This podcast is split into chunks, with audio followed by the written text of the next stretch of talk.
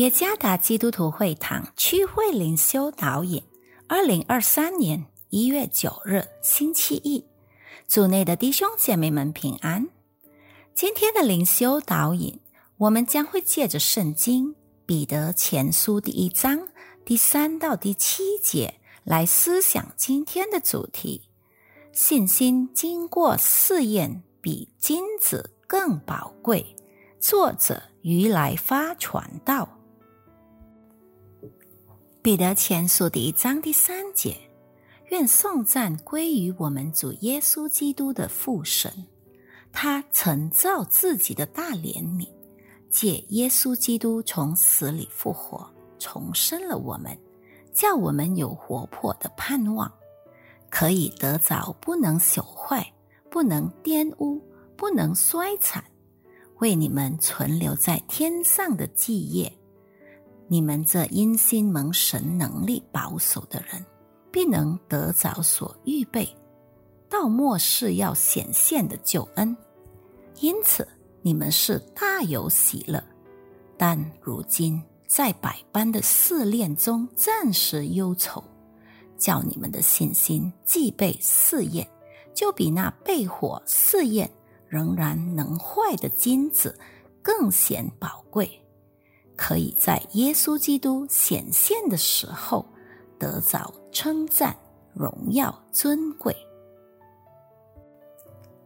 肯尼斯·科普兰 （Kenneth Copeland） 是美国一名知名富豪的电视布道家。据他说，上帝曾吩咐他为自己和妻子建造一所。豪华别墅，除了这种奇特而古怪的行为外，他还是繁荣神学的倡导者。这种教义概念强调，上帝不仅赐予灵命上的祝福，而且还赐予健康和财富的祝福。通常可以通过金钱奉献。尤其是十亿奉献来支取健康和财富的祝福，甚至有人说，财富是上帝爱他子民的标志。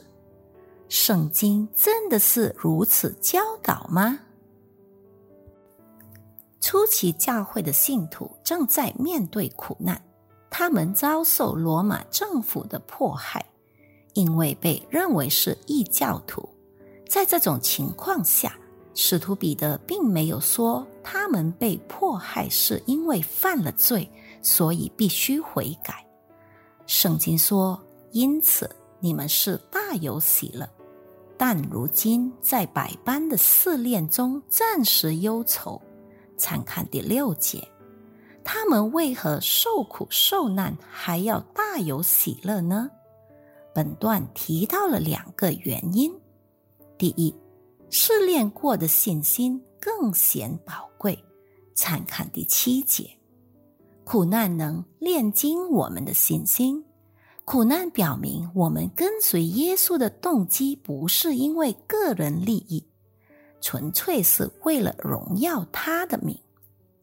试验过的信心，可以在耶稣基督显现的时候得着称赞、荣耀和尊贵。第二，在生活艰难与苦难的背后，有上帝的看顾保守。